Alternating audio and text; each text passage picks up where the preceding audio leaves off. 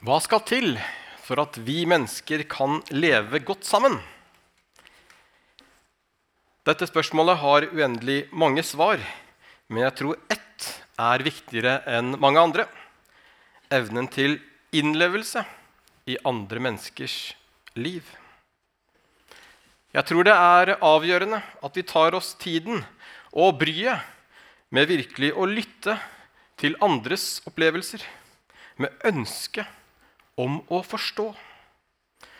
Lar vi oss berøre, påvirker det måten vi tenker og handler på, både i våre nære forhold og i store fellesskap.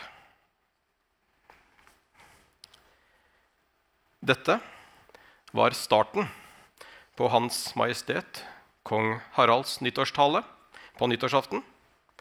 Han la også til i talen i 2022 trenger kanskje mange av oss å finne tilbake til kvalitetsstundene med mennesker som betyr noe for oss. Til de gode samtalene. Kanskje trenger vi å gjenfinne åpenheten og gjestfriheten i oss selv. Styrke gamle vennskap og knytte noen nye. Sette fram de fineste koppene og invitere hverandre inn. Jeg syns at det var kloke riktige og utfordrende ord fra kongen. Og I en tid preget av pandemi, isolasjon og ensomhet så trenger vi å sette samtalene og relasjonene høyt i den tiden som ligger foran. Og jeg tror at Dette også er viktig for oss som menighet. og Derfor har vi også satt nå i februar diakoni på dagsorden med undertittelen 'Gud med hud'. Og Har dette her med kaffekopper og samtaler og sånn med diakoni å gjøre? tenker kanskje du, Og ja, det har det i høyeste grad. Diakoni handler nemlig om relasjon.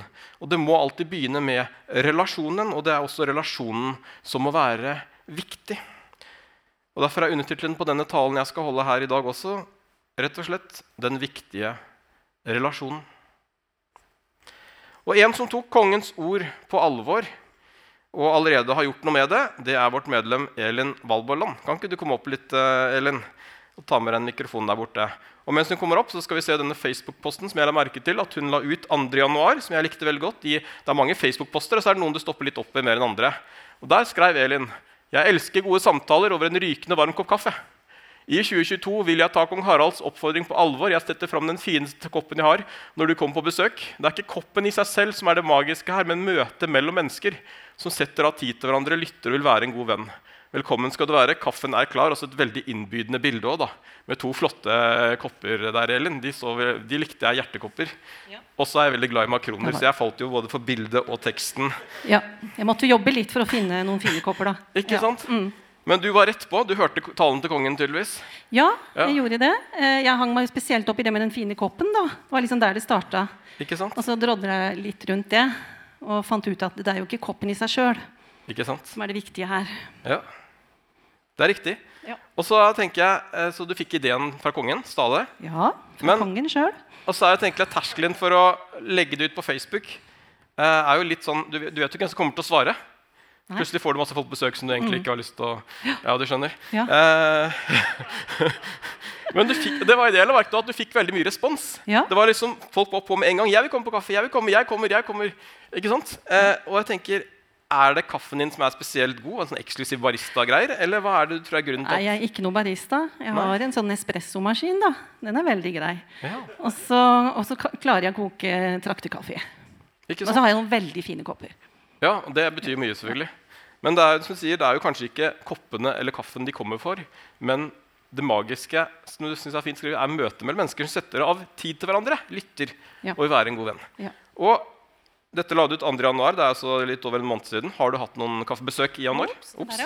Ja, jeg har hatt noen kaffebesøk. Både av noen som ikke har hatt besøk av før, og noen som jeg kjenner veldig godt. Og så er det noen som har eh, skrevet at de vil komme, som ennå ikke har uh, vært hos meg. Som jeg ser fram til skal komme. Så det har vært veldig fint. Ja, det har vært gode samtaler. Og, ja, og til og med middagsbesøk òg. Ja, Hva betyr sånne her eh, kaffekoppsamtaler? da? Du, Jeg er jo generelt eh, veldig glad i å prate. Ja. Det vet jo alle som kjenner meg. Det er jo et godt utgangspunkt. tenker jeg. Også, men Ikke bare for å prate, men jeg er glad i den gode samtalen. Jeg er glad i å dele liv og høre, høre hva andre har i livet sitt. Mm. Det syns jeg er veldig fint. Ikke Mm. sant vel? Og det krever jo ikke så mye heller, for det er jo bare å som du sier, koke litt kaffe og sette fram en kopp og Ja. invitere. Så kan du lage litt mat hvis du vil. Ikke Men du trenger ikke det. Jeg synes det var veldig bra. Jeg hadde veldig sansen for det, så jeg hadde lyst til å bare Ja. tenkte det passa fint i talen her i dag, Ja. så jeg løfter det bare opp. Ja. Og synes vi kan gå gi, gi Elin en, en varm hånd for at hun har invitert mange på kaffe. Og det er fortsatt mulig å komme på kaffe til Elin, Ja, sier hun. Hun har masse ledig tid utover, så, Så- meld dere på. Bare meld dere. Takk skal du ha, Elin. Eh, og Elin var jo da et eksempel på eh, Det er sikkert noen andre som har gjort det samme, og som også er glad i å gjøre det på den måten. Jeg tenker det er, det er jo ikke Elin her som er viktig, men det er den gode samtalen. Det at vi løfter opp og legger til rette for den, som jeg ønsker å heie på. Og jeg håper at det er flere av dere også som har lyst til å gjøre det. For det er jo sånn at Elin, selv om hun er glad i å prate, så kan hun dessverre ikke ha hele Grimstad på kaffe. Det rekker hun ikke i løpet av dette året i hvert fall. Så bli gjerne med å bidra du også, med dine kopper, med din kaffe. Og drikker du ikke kaffe, så funker det med te eller eh, brus også. for den sakens skyld. Det er jo samtalen som er det viktige, ikke hva du drikker. Så ta gjerne den oppmuntringen, dere òg. Jeg syns det var sporty gjort å legge ut en sånn post. Og jeg synes det var også interessant å se svarene som viser at det er et behov for den gode samtalen. Jeg tror kongen hadde helt rett når han sa at 2022 er tiden for dette. For det ligger mye god diakoni i den gode kaffekoppen. Og Derfor så samla vi oss inn en gave i dag til åpen kaffebar på dagtid i foajeen. For jeg tror at Det kan være en veldig god ting for å legge til rette for den gode samtalen også her i Misjonskirken på dagtid. Hvor det kan være gode samtaler som kan oppstå mellom folk som kanskje er her inne for første gang på kaffebar, og som kanskje får lyst til å komme igjen. Ikke bare pga. kaffen, men pga. relasjon. Så jeg gjerne blir med å støtte den visjonen. Jeg tror at det er så viktig også i denne tid, og spesielt også etter pandemi. Og så er jeg glad for at kongen sa ikke at de bare skulle styrke gamle vennskap, men han sa også knytte noen nye. Og det kjenner jeg utfordrer meg. Jeg synes det var en fin utfordring. Elin sa også at hun hadde besøk av noen som ikke har vært der før. Knytte nye relasjoner og vennskap det er også spennende, og det utfordrer meg. Og Trond Vegard har allerede nevnt dette kurset, som, eh, så jeg skal ikke bruke tid på det. Men dette med å bli bedre på smalltalk. da. Hvis du tenker at ja, jeg kunne godt invitere noen, men jeg er ikke så glad i å prate som Elin, og jeg vet ikke helt hvor jeg skal begynne, og det er liksom litt kjedelig å bare snakke om den fine genseren og sånn. Så kan du komme på tirsdag og ta kurs først om smalltalk. På tirsdag er det praktisk. Da skal vi rett og slett øve oss på å snakke med fremmede. Eh, og bli flinkere til det og få litt hjelp til det. Eh, og så etter å ha tatt kurset, så kan du invitere på kaffe. Og så, det, så blir det ikke bare snakk gensere, men fotball og været også. Så det, det tror jeg blir veldig bra. Så det er lov å møte opp på tirsdag halv åtte og bli med på kurs. Og du trenger ikke å melde deg på, eller bare kom som du er. Diakoni det er altså månedens tema. Og det er noe vi ønsker å løfte opp fordi vi tror at det er så viktig. Og personlig så tror jeg at, og blitt mer og mer overbevist om at det er en nøkkel i den tiden vi lever i. Vi har flere diakonale tilbud i vår menighet som jeg heier veldig på. som jeg synes er kjempebra. Og vi oppmuntrer dere også denne måneden til å være med og be for månedens bønneevne, som er våre diakonale tiltak. De betyr mye for mange. De gir mulighet til å knytte relasjoner, de åpner dører, og de er diakonale. Og Rasteplassen, IP barnebursdag, hjemmebruksrommet, samtalerommet til stede og ja, mye mye mer. Hvitveisen åpen barnehage. Vi kunne nevnt mye vi har som er diakonale tilbud som legger til rette for samtalen og relasjoner. Og de er så bra. Samtidig så må det ikke bli slik at de diakonale tilbudene vi har her i kirken, blir vår hvilepute. Slik at det personlige diakonale ansvaret forsvinner. For ja, vi kan ha diakonale tilbud som gjør en kjempejobb, og som minner oss alle om hvor viktig diakonien er. Men vi trenger også selv å være diakonale i våre liv. For hva er det dette med diakoni handler om, da? Jo, ordet diakoni det kommer fra det greske ordet som står oppe, det er det greske ordet som står på venstre hjørne der, som altså betyr diakonos, og som igjen er oversatt, eller kan oversettes som tjener. Og Jesus han var selv en tjener, og han kalte oss til å tjene hverandre. Og være altså hverandres tjenere eller hverandres diakoner, om du vil. Vi ble utfordret til å være en diakon for vår neste. Og når Jesus møtte mennesker, som du kan lese gjennom hele det nye testamentet, så møtte han, han møtte hele mennesket. Han dekket både de åndelige behovene, men også de fysiske behovene. Han helbredet mennesker som trengte det. Han ga dem mat når de var sultne. Og han beskytta dem, eh, gikk sammen med dem, prata med dem og spiste med dem. Og ikke minst, han så dem for den de var. Et helt menneske. Og Et av de fine eksemplene jeg liker veldig godt, det er jo eh, kvinnen ved brønnen. Og Vi skal ikke ta eh, hele historien her, men du kan lese den selv i Johannes 4. Men den handler om at Jesus møter en ensom kvinne ved en brønn. Og det Jesus gjør, er egentlig ikke noe annet enn å snakke med henne. Det er en dame som har det vanskelig, og som antagelig kom litt sent til brønnen den dagen, for hun ville unngå å møte andre. Men hun ble løftet opp av en samtale med Jesus. Den viktige samtalen, den viktige relasjonen, det handler også om diakoni. Og Misjonskirken Norge har diakoni som et av sine fem eh, satsingsområder. De skriver på sin hjemmeside om diakoni at i Jesu liv så er det å hjelpe mennesker i nød, helbrede det ødelagte og forkynne evangeliet fullstendig sammenvevet. Gang på gang leser vi i Bibelen at Jesus hadde inderlig medfølelse med mennesker han møtte. Jesus møter mennesker med et varmt hjerte og en guddommelig kraft som skaper nye muligheter. Står det der. Og jeg syns det er fint beskrevet. Jesus sa også selv i Matteus 23, eh, 11, at den største blant dere skal være tjeneren deres. Den som setter seg selv høyt, skal settes lavt, og den som setter seg selv lavt, skal settes høyt. Og Det ordet som Jesus bruker her, som er oversatt til tjeneren, det er det greske ordet diakonos, som altså også kan oversettes til altså Det handler om diakoni. Vi skal tjene hverandre, vi skal være diakonale mot hverandre. Så diakoni det er ikke noe for noen spesielt interesserte. Det er ikke noe vi driver med fordi det er en hyggelig ting å gjøre. Nei, Jesus kalte oss faktisk til å være diakonale. Fordi han sa at det å elske Gud det er det viktigste. Men det var et annet bud som var like stort, og det var å elske sin neste som seg selv. Og i det budet så ligger det diakonal utfordring om å elske sin neste som seg selv. Og så betyr ikke det at vi alle skal være diakoner av yrke.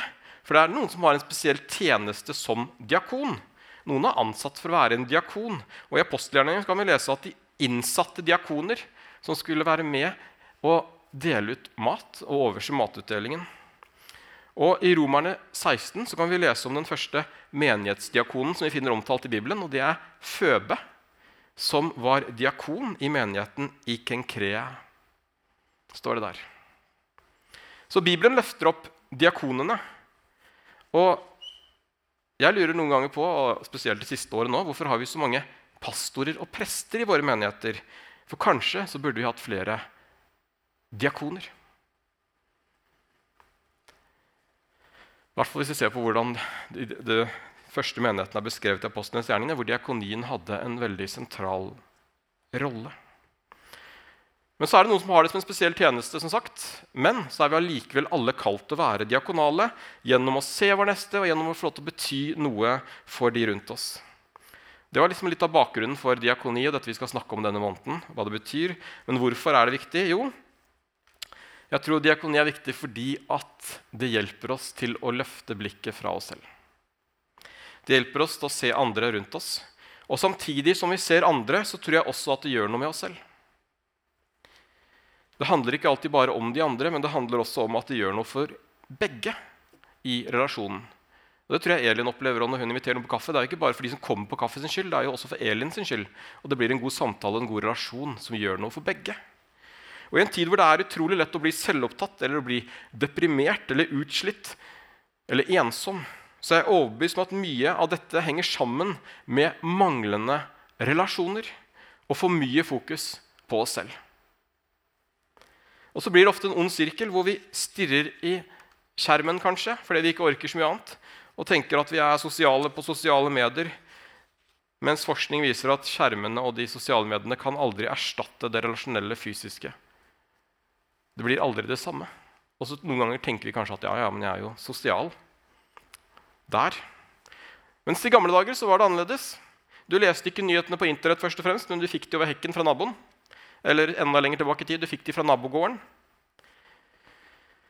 Og i gamle dager, Jeg husker det til meg sjøl. Jeg levde i gamle dager, da kunne man til og med ringe på dørene til folk helt uten at man hadde avtalt på forhånd og bare høre 'Passer det nå? Kan jeg komme inn en tur?'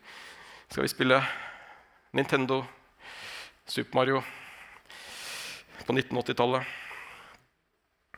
Og det er ikke sånn som skjer veldig ofte lenger, for nå har vi telefoner og kan vi avtale på forhånd. og vi føler at de må, må nesten gjøre det. Så fins det unntak som jeg tror vi skal heie på. Jeg synes det er veldig fint de som gjør det fortsatt, og heie på det. Men mindre fokus på den fysiske relasjonen det gjør noe med oss. Og så tror jeg ofte vi lurer oss selv. For vi tenker at ah, relasjon det krever for mye.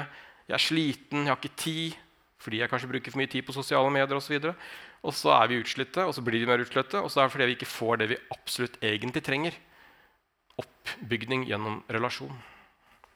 Og For noen år siden så nevnte jeg en tale her. Jeg måtte tilbake i 2017 for å finne den talen igjen. Da snakka jeg om å snakke med folk. Og I den talen så nevnte jeg en undersøkelse i USA. en ganske stor undersøkelse, fordi det hadde fulgt en stor gruppe med pendlere hver dag til jobb i over lang tid. Og De hadde delt disse pendlerne inn i tre grupper. hvor De sa den første gruppen de skulle ikke gjøre noe forskjell. De skulle gjøre akkurat som de pleide, reise som de pleide, gjøre de vanene som de pleide. Den andre gruppen de skulle aktivt unngå å kommunisere med noen. De skulle bare være opptatt av seg selv uh, i sin egen verden fram til de kom på jobb. Mens den tredje gruppen de skulle aktivt oppsøke og starte en samtale med en fremmed på vei til jobb på T-banen. Det var en litt annen større by, så det var litt flere som tok T-banen der enn her i Gaumstad. Og på forhånd, før de på en måte gjorde den undersøkelsen i praksis, så hadde de også svart på en liten undersøkelse om det de skulle gjøre. Og da hadde de aller fleste regna med at de kom til å trives best når de ikke snakka med noen. Resultatene etter undersøkelsen viste at det var egentlig helt motsatt. De som snakket med fremmede, var de som fikk den triveligste reisen og dagen. Stikk i strid med hva de selv forventa. Og det gjaldt både introverte og ekstroverte. faktisk.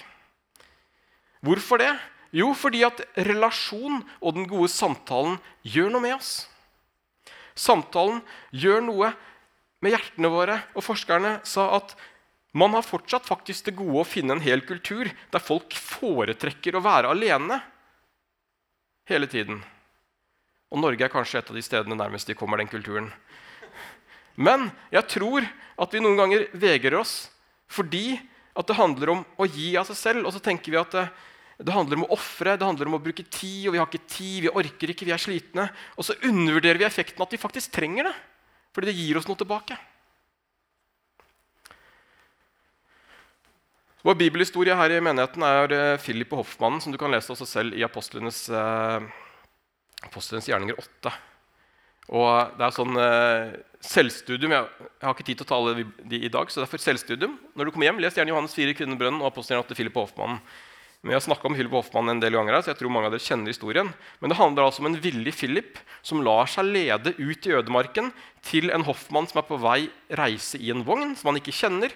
Han får lov til å komme opp i vogna, de får en god samtale, og det ender med at hoffmannen kommer til tro og ønsker å døpe seg. Og Så skilles de to, og så står det at hoffmannen dro lykkelig på sin vei videre. Men så tenker jeg Hvordan tror du Philip opplevde det møtet? For det står ikke noe om.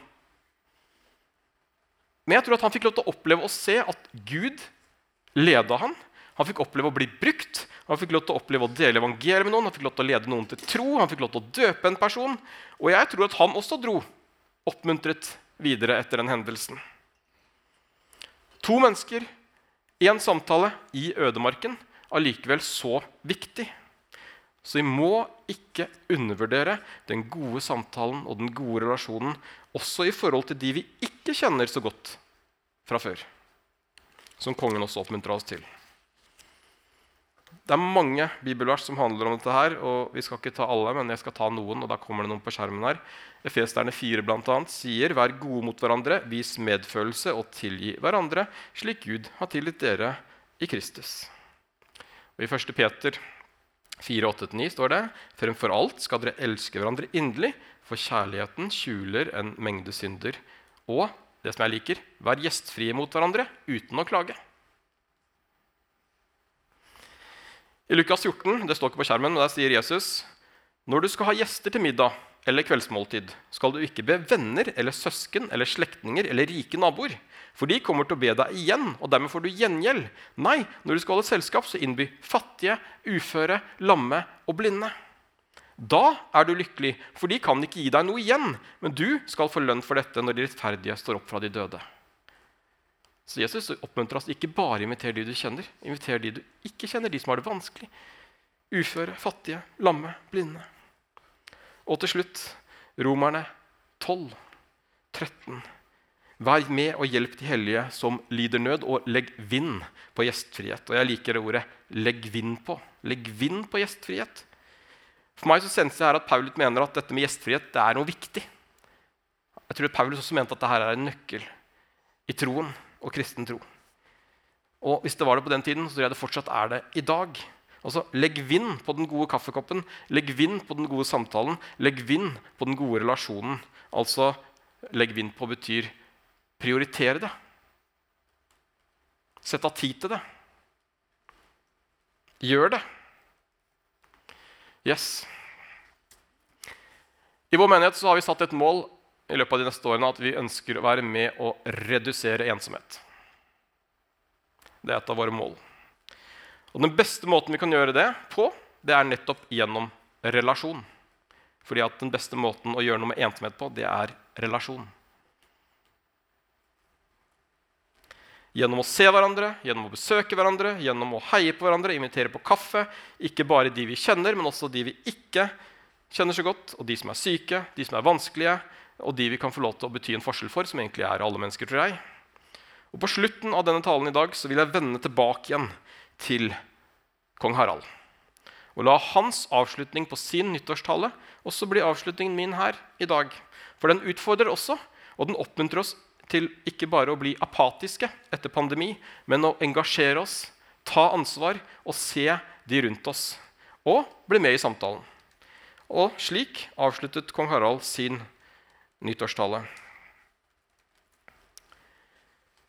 En av de mest verdifulle bærebjelkene både for enkeltmennesker og samfunnet, det er frivilligheten. 2022, det er frivillighetens år. Og Denne gode kraften i det norske samfunnet har lidd under pandemien. De svakeste stilte har derfor dessverre blitt spesielt hardt rammet. Rusavhengige, psykisk syke, eldre, barn og unge. Samtidig har vi sett inspirerende eksempler på mennesker som har gjort en stor forskjell. Pappaen som startet turgruppe med nabobarn som trengte pause hjemmefra. De afghanske ungdommene som begynte å handle for eldre i nærmiljøet. Den godt voksne damen som kom kveld etter kveld lyttet omsorgsfullt til ensomme unge på hjelpetelefonen. I 2022 kan vi alle bidra til å gi frivilligheten et skikkelig løft. Jeg vil oppfordre hver og en til å finne noe som passer for akkurat deg. Smått eller stort. Mulighetene er uendelige. Alle har behov for noe eller noen. Og alle har noe å bidra med. Og Slik skaper vi sterke fellesskap som er vårt beste vern i møte med vanskelige tider. Det er en gave vi gir til oss selv og til hverandre. I dag vil jeg si til dere alle Han sa i kveld i talen, jeg sier i dag. I dag vil jeg si til dere alle, enten dere fører sorg og savn på uro og utmattelse eller glede og forventning. Jeg håper vi kan gå inn i det nye året med tid og krefter til det som styrker oss, ved å lytte til hverandre med interesse og innlevelse, ved å finne tilbake til vennskap og gode samtaler, og ved å tro på at hver og en av oss kan bety noe for andre mennesker. Det var kongens avslutning, og jeg tror at de ordene var inspirert av en annen konge som levde for 2000 år siden, og som ba oss om å elske vår neste som oss selv. Har du lyst til å være med på det i år? Vil du utøve diakoni gjennom å sette av tid til andre mennesker og få oppleve hva det vil gi deg også? Så er utfordringen gitt. Hvert fall. Nå har vi satt av altså en måned her i februar med fokus på diakoni. Og kanskje så kan det være en måned hvor du også kan få lov til å ha litt ekstra fokus på dette. Og så kan vi få lov til å oppleve og se hva det gjør, og hva det betyr. Ikke bare for de rundt oss, men også for oss selv. Og så kan vi kanskje også få lov til å få høre flere historier etter hvert. Og den siste søndagen i denne måneden så har vi satt av litt tid i gudstjenesten til rett opp å kunne dele litt diakonale historier. Det håper jeg at vi kan få til, og at noen har noe å dele. Og Flere utfordringer på hva du kan gjøre for å bidra diakonalt, det skal du få lov til å høre neste søndag når Odd Arild skal tale og fortsette i denne taleserien. Men for nå, ta steget og børst støv av kaffekoppen. La oss be sammen. Kjære far, takker deg for eh, at du har kalt oss til å være diakonale mot hverandre, til å tjene hverandre og til å se hverandre, far. Takk for menighetsfellesskapet. Takk for alle som er her nå. Takk for de som følger oss på stream i dag, far. Må du gi oss frimodighet og kraft, far, til å møte mennesker, til å se mennesker, til å invitere mennesker, til å samtale med mennesker, til å ta kontakt med de som trenger det. Takk for det, far, at du gir oss det vi trenger til det. Takk at du er med, Jesus. Du har sagt at da hvor to eller tre er samlet, så er du midt iblant dem. Takk at du går med oss og gir oss det vi trenger. Og nå ber jeg for denne måneden som ligger foran, må du hjelpe oss som enkeltpersoner og som menighet til å være diakonale og leve ut tjenesten etter ditt hjerte, far. Takk for det. Vi ber i Jesu navn. Amen.